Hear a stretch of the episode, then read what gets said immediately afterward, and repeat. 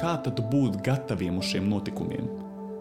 Vienkārši sakot, meklē patiesību, kas ir pirmais, tā dos arī mieru, jo tā ir apziņa par nākotni, atzīst to, piedzīvo, mācies. Un otrais, tas, ko es teicu, piedzīvo to patiesības daļu, ko tu saņem, padara to par savu realitāti. Tu pats to nespēji, bet tavās rokās ir izvēle. Tu to izvēlies, tad tu pūlies, un Dievs palīdz.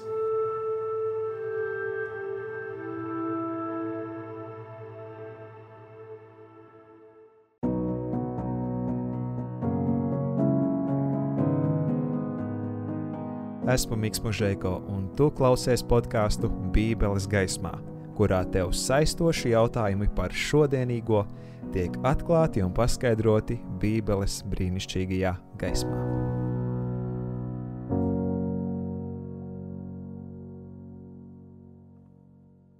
Mēs tojamies šī gada noskaņai, jo jau atkal ar straujiem soļiem klāt 2021. gads. Un, jā, cilvēks steidz izdarīt refleksijas, secinājumus, skatīties, kāds tas ir bijis, ko apņemties, varbūt darīt tālāk. Un tas šodienīgais jautājums tieši šīm dienām ir tāds, kas tad mani sagaida šajā jaunajā 21. gadā? Jo mēs taču sastopamies ar nākotni, un, manuprāt, vienmēr nākotnē kādam ir ļoti interesanti ielūkoties. Cilvēki vismaz tos grib darīt. Tāpēc tieši šoreiz jā, par šo jautājumu mēs runāsim ar mācītāju labākajos gados, Dāvidu Trubetskoju. Sveiks, Dāvi! Sveiks! Kā tev pašam vispār šis 2020. gads? Ko tu esi secinājis sev? Labs jautājums. Tas ir labi tā pasecināt, kas, kas ir bijis. Un es personīgi tā skatos un domāju par tām lietām, ka interesanti, cik ātri viss var mainīties. Mēs, lai gan Covid skaitās Covid-19, it kā 19. gadā aizsācies tur decembrī un tā, bet faktiski 20. gadā nu, viss šis trends, šī populārā lieta bija Covid. Un cik ļoti pasaule ir mainījusies pa šo laiku. Es domāju, ja mēs ieskatītos kādreiz pirms dažiem gadiem šodienā, kā tā šodien izskatās, es domāju, mums būtu stipri pārsteigti. Un unikāli ir tas, ka pat vecie cilvēki, vecāka gada gājuma cilvēki, ir gatavi mainīties, jo viņi ir apstākļu spiesti. Ir kaut kādi jauni ieradumi, kas jāveic, un viss mm. tas ir apbrīnojami. Interesanti vēl tas, es skatos, ka sabiedrība paliek emocionālāka, mazāk racionāla un vairāk emocionāla. Vairāk tiek um, balstītas savas, savas, savas, savi spriedumi un savi lēmumi uz sajūtām, un kā, kāds ir noskaņojums kopējais. Nu, tas ir tā, arī ļoti interesanti. Un, um, Trešā lieta, ko es tā domāju, kas arī veicina šo otro punktu, ka digitālās atkarības dēļ, kas pa visurien plosās, mēs esam arī vieglāk manipulējami palikuši. Un mēs to pat īsti tā neapzināmies. Jo, nu, kurš teiks, ka viņam patīk, ka viņi manipulē, bet tāda ir realitāte. Skaidrs. Um, mēs esam podkāsts Bībeles gaismā, un mēs vēlamies sniegt šo Bībeles gaismu šajos dažādos jautājumos. Un, kā jau minēju, um, šī podkāsta nosaukums ir Nākotne, kas mani sagaida. Un tad, um, vai Bībele kaut ko vispār stāsta par nākotnes notikumiem? Nu, protams, Bībelē jau mēs lasām tādu, tādu tematu, jeb jēdzienu vispār kā pravietojumi. Pravietojums ir kaut kas, kas ir pateikts par nākotni, pirms tas ir noticis. Jēzus sacīs to jums visu, jau esmu sacījis iepriekš, lai, kad tas notiktu, jūs ticētu. Tātad šī pravietojuma jēga ir nevis darīt kādu īpaši gudru kaut kādā situācijā, vai pārāku, vai lai viņš varētu tirgoties ar šo informāciju, bet lai vienkārši tad, kad tas notiek, viņš ticētu, ka Jēzus Kristus ir Dieva dēls. Bet kā var ticēt, jā, ka tas ir patiesība, tas, tas pravietojumos rakstītais, piemēram? Nu jā, ja mēs jau tā ķeramies vērsim pie ragiem, kā mēs zinām, ka Bībeles pravietojumi ir patiesība, man liekas, visspilgtākais arguments ir um, tas, ka pārē, jo ne visi pravietojumi beigsies tikai nākotnē. Daudz pravietojumi ir jau notikuši līdz šim -hmm. un jau piepildījušies. Tāpat, piemēram, Jēzus pirmā atnākšana Un šis pravietojums par to jau tika pravietots vecajā derībā, Bībelē. Un eh, tas piepildījās pie tam ar apbrīnojumu precizitāti.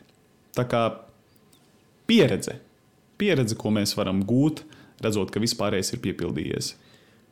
Bet uh, es, es, es nedomāju, ka, pieņemsim, okay, vai Bībelē būtu tas populārākais veids, kur cilvēks iestīsies, lai, lai kaut ko uzzinātu par savu nākotni. Piemēram, nu, man, pieņemsim, mēs zinām, citi veidi ir astro, astroloģija, ir nezinu, horoskopi, ir laimes liešanas, kas tagad jābūs. Uh, nu, varam arī cepumiņus pārlaust un izlasīt, kas tur rakstīts. Uh, nu, kāda tad visu loma šīm visām lietām. Jo nu, tur var redzēt, ka cilvēki tomēr ir liela savu nu, ticību, ja tā varētu teikt, balstus to.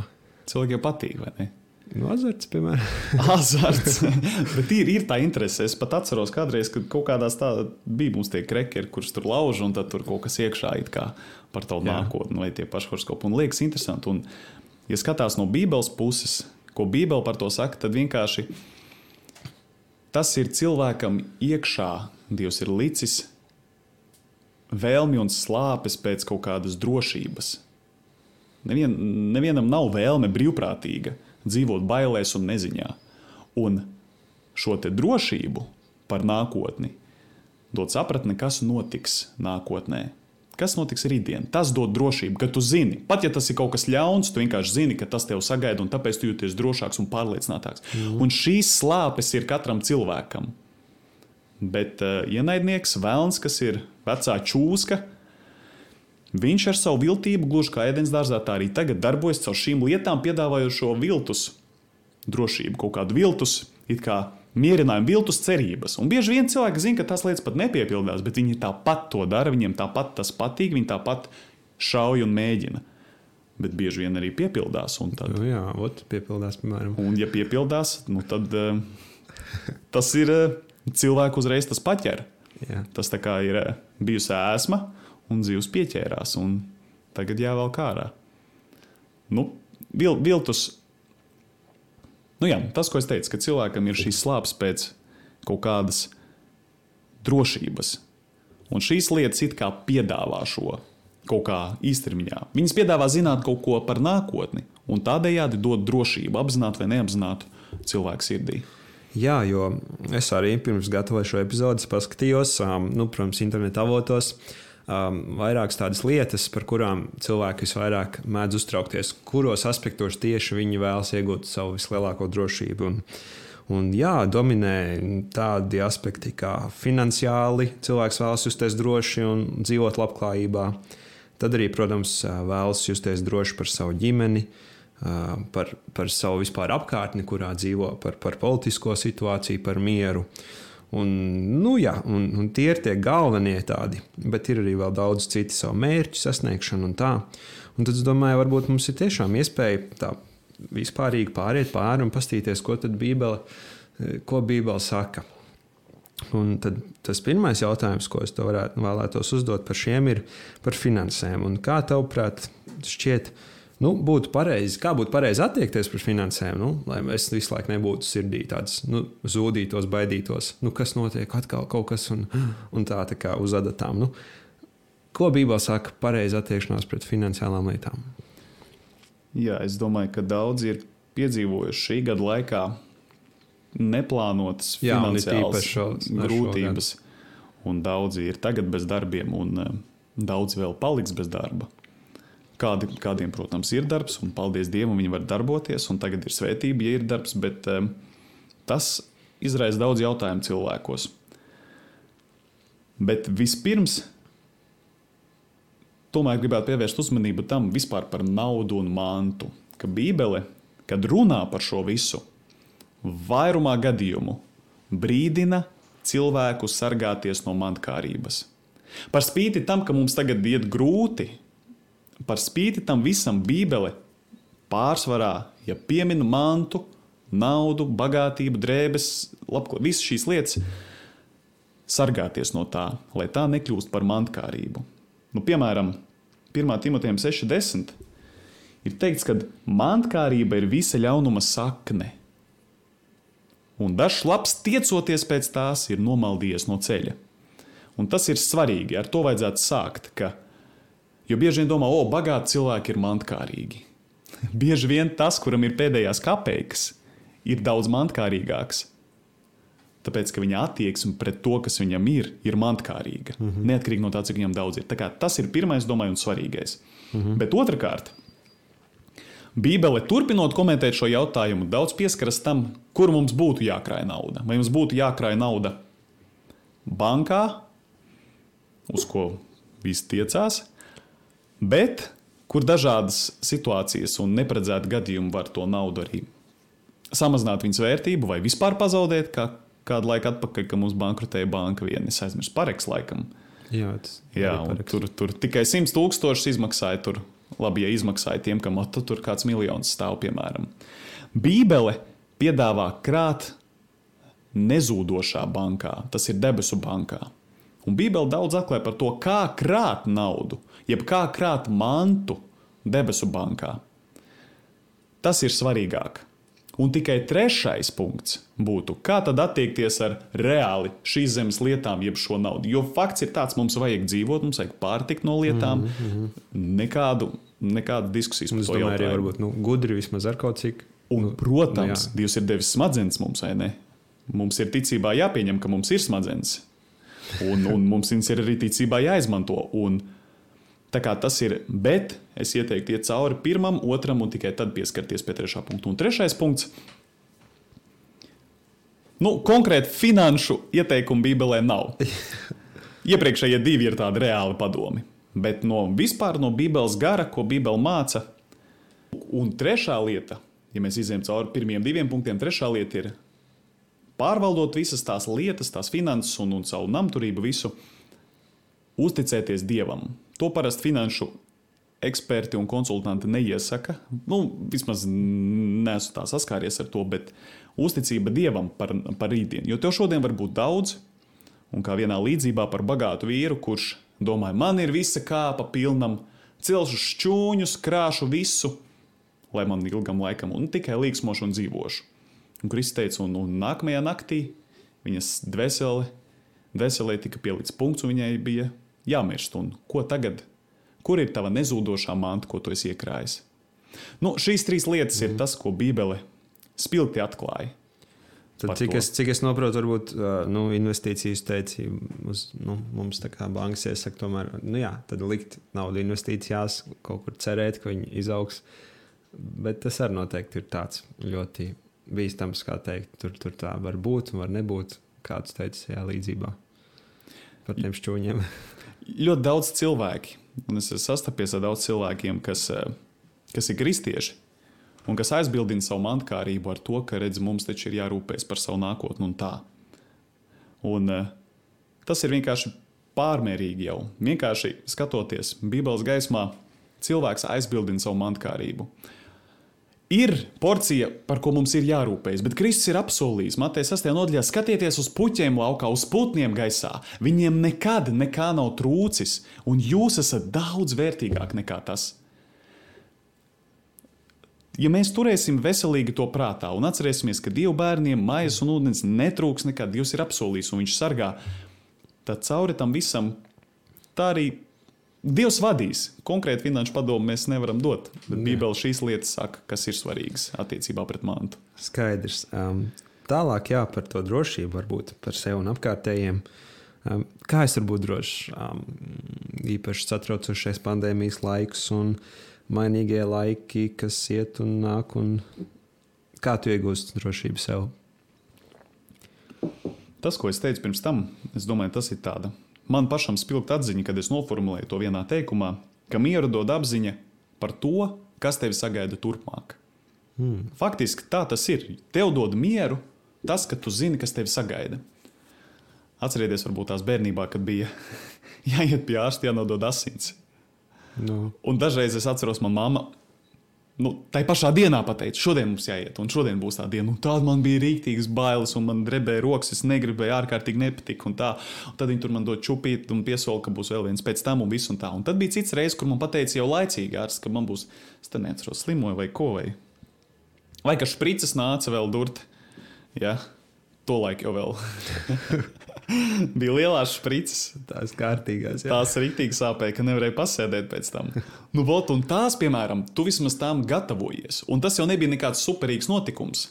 Bet tāpēc, ka tu tam gatavojies, tev kaut kādā mērā bija miers. Protams, tev ir nepatika un bailes, bet miers. Un lūk, runājot par notikumiem nākotnē, Abrīnojam, ka Dievs jau kā mūsu radītājs zina, kas mūsu sirdī ir vajadzīgs. Un viņš ir devis šos pravietojumus. Pravietojumi, kad viņš atklāja kaut kādus notikumus, kas mūs sagaida nākotnē. Ne ar mērķi, lai mēs ar šo informāciju tirgotos vai ko, uh -huh. bet lai tad, kad tas notiktu, mēs ticētu. Un kā es iegūstu mieru? Es iepazīstos ar šiem notikumiem, par ko ir pravietots vienkārši lasot Bībeli. Piemēram, Mateja evanģēlī 24. nodaļa, Tas pats vispār daudz ko Kristus teica evaņģēlijos uz beigām, jo tā ir tāda arī paralēla ar viņu otru atnākšanu. Viņš jau teica, kādas būs zīmes, šīs pastarā laika zīmes. Un, protams, arī atklāsmes grāmata, kuru spilgti ieskicē Daniela grāmata, visi tie notikumi. Tas viss pētot to, man dažkārt tirpiņas skrien redzot, ka tie notikumi sāk notikt. Pirms kāda laika mēs dzīvojam kaut kādos pantos, tagad mēs jau dzīvojam tālākos pantos un mums priekšā vēl ir vairāki panti, kuri vēl piepildīsies. Un ņemot vērā, ka viss līdzšinējais ir piepildījies, apbrīnojami. Dažas lietas ar tādu precizitāti, kas vispār nav iespējama zinātniski. Tad man atliek tikai saprast, jā, par nākotni viss ir pateikts, man ir jāgatavojas tajā nākotnē, jo viss ir atklāts. Man vienkārši ir jāiet un tā es iegūstu mieru. Jā, tieši nu, mums tam ir šī laiks, un tomēr arī epizodes nu, nosaukums atļauj varbūt man prasīt tavu, tavu viedokli.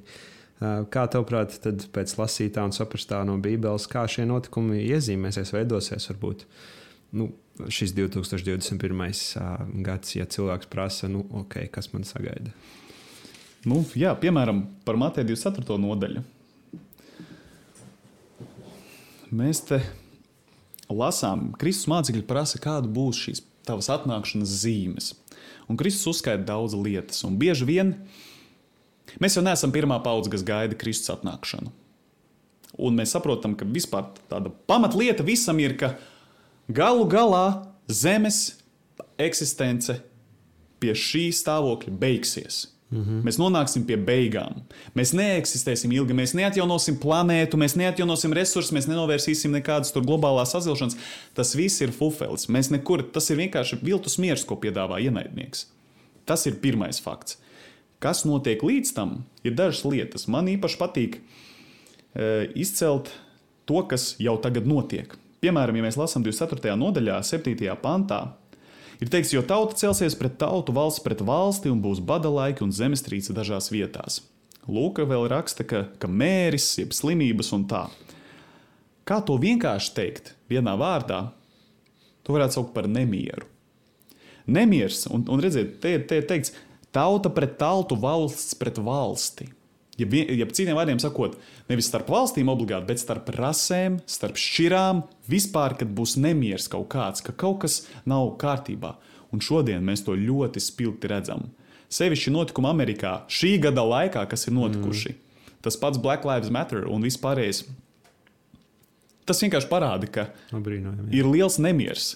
Un daudz saka, ka šīs lietas vienmēr ir notikušas un tā, un cenšas iežūžināt visus, ka viss ir kārtībā un ko jūs te atkal ceļat paniku.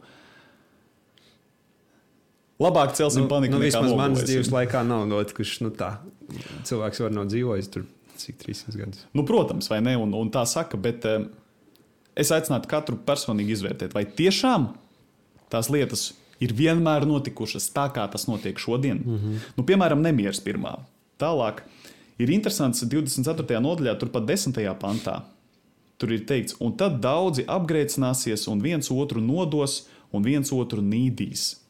Citos evanģēlijos šis vēl vairāk tiek paplašināts šis pants, un, un teikts, ka tēvs nodos dēlu, māte meitu, brālis savu brāli, un samaidosies.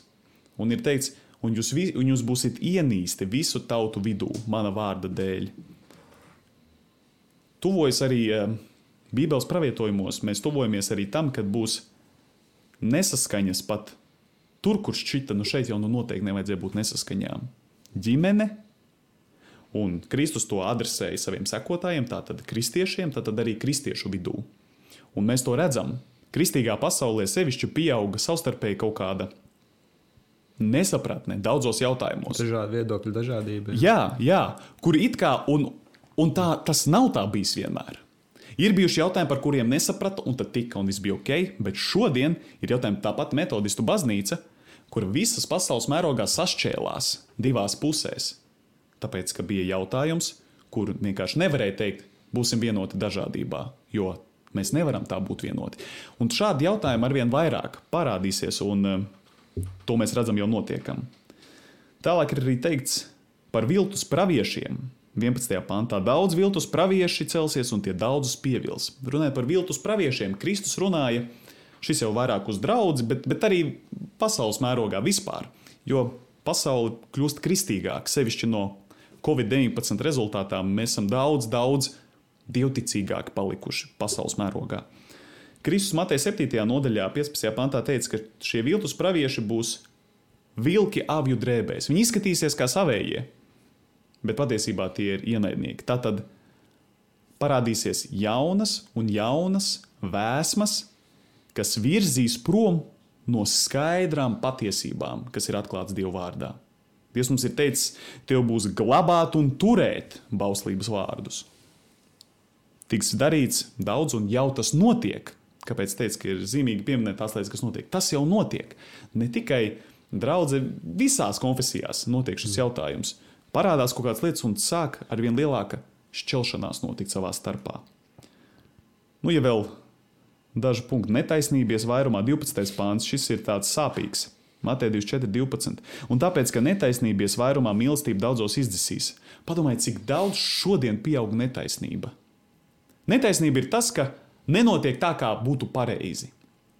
Ka kāds gūst virsroku par kādu, Evolūcijas likums, stiprākais uzvar. Vai gudrākais, vai viltīgākais. Vai tam, kuram vairāk spēka. Jā, vai naudas, vai vienalga. Vai tas nenotiek šodien? Man bieži vien vajag palīdzēt mammai atrisināt kaut kādu eBay pirkumu problēmu, tāpēc, ka viņi kaut ko pērk. Nu, summas tur nelielas, nu, 50 eiro, bet žēl tāpat tā dot. Nu, kāpēc tāpat? Mm -hmm. Kaut ko pērk un kaut ko, un, un tirgotāji piečakarē. Kaut kas noiet greizi, atsūta brāķi, atsūta speciāli zinādam. Un, um, 95% gadījumu mēs esam vinnējuši to disputu. Tas nozīmē, ka situācija bija netaisnīga. Bet cik tas daudz ir jau noriebies? Un te ir teikts, tāpēc, ka netaisnības vairumā mīlestība daudzos izdzisīs. Padomāsim globāli. Tas vienkārši ir kaut kāds trakums, kad nemitīgi ir kaut kādi meli.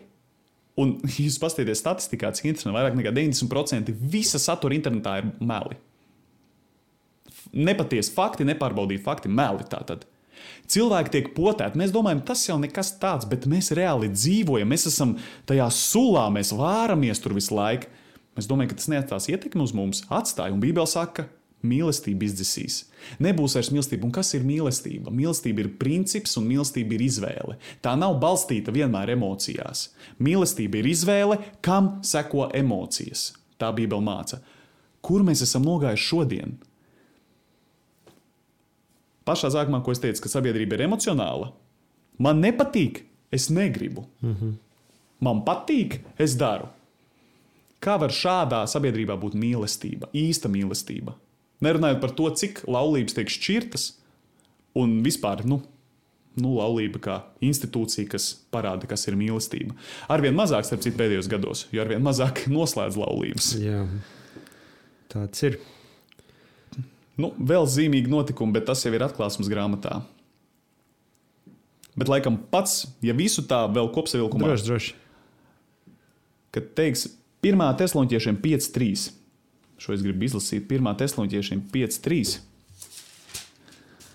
Un šeit Pāvils raksta, kad sacīs, nu ir miers un drošība, tad pēkšņi pār viņiem nāks posts kā dzemdības sāpes pār grūtnieci, un viņi nevarēs izbēgt. Bībele saka, ka mēs caur šo haosu virzīsimies uz jaunu, tā kā iedomājieties, ir siena un citās bumbiņa pret vienu mm -hmm. pret otru mm -hmm. sienu. Mēs ejam tagad uz pilnīgu it kā demokrātiju, kas noved anarhijā bez mazvai. Un nākamais pagrieziena punkts, jo visiem tas būs noriebies, būs totāla kārtība. Un šis pagrieziena punkts ir kā risinājums visām šīm problēmām. Un Bībele atklāsmes grāmatā 13. nodaļā saka, ka mēs uz to virzīsimies. Bībele to aino ar diviem zvēriem, kas iznāk no jūras un no zemes. Un tas notiek šodien. Tas šodien notiek. Mēs virzamies uz kaut kāda veida globālu risinājumu šodienas problēmām. Bībele saka, ka tas būs viltus miers. Mm -hmm. Lai pieviltu visus, ja iespējams, pat izredzētos, bet tas nav iespējams. Ja ir viltus miers, kā tu teiktu, kur var iegūt to patieso mieru un kā tu saprati, kā Dievs tad gribētu mums, mums sagatavot vai nu, neatstāt novārtā. Uh, kā, jā, ko mēs no savas puses varētu izdarīt, lai, nu, jā, lai mēs nebūtu tie, ar kuriem manipulē, vai varbūt kā citādāk. Divas lietas uzreiz nāk prātā, kamēr tur runāja. Pirmā, atzīt patiesību. Bībelē ir sacīts, jūs atzīsiet patiesību, un patiesība darīs jūs brīvus. Patiesība, es domāju, ir atslēga. Cilvēks slāpst pēc patiesības. Un kā jau pirms tam mēs runājām, patiesība arī dod mieru, jo patiesība ir atklāja nākotnes notikums. Tā ir patiesība. Bībele ir patiesība. Tas ir Dieva vārds, un Viņš atklāja nākotnes notikumus. Ja es viņu pieņemu, šo patiesību, viņa man dod mieru. Tas ir pirmais. Un otrais, kad mēs saņemam kaut kādu patiesību, ārkārtīgi svarīgi ir dzīvot saskaņā ar to. Piemēram, Mateja Evanģēlī 25. nodaļā Pēc, starp citu, zīmīgi mēs te pa lielam runājām, lielās līnijās pa 24. nodaļu Mateja evaņģēlī šie notikumi un pieskarāmies vēl citiem. Bet uzreiz pēc 24. nodaļas, 25. nodaļā, Kristus saviem mācekļiem teica līdzību. Atbildot uz jautājumu, kā būt allaž gataviem, jeb modriem. Un, ja jūs papētiet to līdzību no 1 līdz 13 pantam, tad viņa runā par to, nu, šī līdzība ir par desmit jaunavām, piecas ģeķīgas, piecas gudras, un šī atšķirība bija tāda: visi gaidīja Kristus atnākšanu, bet piecām bija eļļa viņu lukturos, un piecām nebija. Līgavaini gaidīja. Viņas gaidīja līgavaini, tieši tā, Kristus otrā tieši tā, jā. Un viņas visas gaidīja. Visām bija lukturis, lukturis ir Dieva vārds. Bībeli mums to māca, Psalms 119, 105. Jā. Tavs mm. vārds ir spīdeklis un gaišums uz maniem ceļiem. Tad šis spīdeklis ir lukturs. Bet kas dod lukturim degt? Eļļa. Eļļa, bez eļļas lukturis nepilda savu funkciju. Un eļļa Bībelē simbolizē svēto garu. Tātad, ja mums nav svētā gara pārveidojošā spēka mūsu sirdīs, nav jēgas, jeb Dieva vārds nepilda to funkciju, ko viņš grib darīt pie mūsu sirdīm. Un Kristus šo līdzību sniedza kā atbildi uz mācekļu jautājumu, kas viņiem bija sirdīs, kā tad būt gataviem uz šiem notikumiem. Vienkārši sakot, meklē patiesību, kas ir pirmais, tā dos arī mieru, jo tā ir apziņa par nākotni, atzīst to, piedzīvo, mācies. Un otrais, tas, ko es teicu, piedzīvo to patiesības daļu, ko tu saņem, padari to par savu realitāti. Tu pats to nespēji, bet tavās rokās ir izvēle. Tu to izvēlies, tad tu pūlies, un Dievs palīdz. Dieva spēks plus cilvēka pūles ir šis rezultāts. Un šīs divas lietas kopā dos katram cilvēkam, kurš gaidīs Kristus atnākšanu, arī savu žēlstību, ka viņš būs gatavs sagaidīt.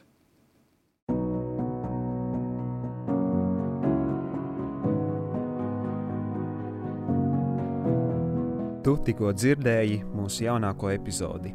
Visas podkāstu Bībeles gaismā epizodes tev ir iespējams klausīties gan Spotify, gan Apple un Google podkāstu platformās, kā arī skatīties SDA Rīga 7 YouTube kanālā un tu droši arī vari pieskot mūsu Facebook un Instagram lapām, lai nepalaistu garām aktuālāko informāciju. Tev uzrunā Mikls Mažēko, un tu klausies Bībeles gaismā.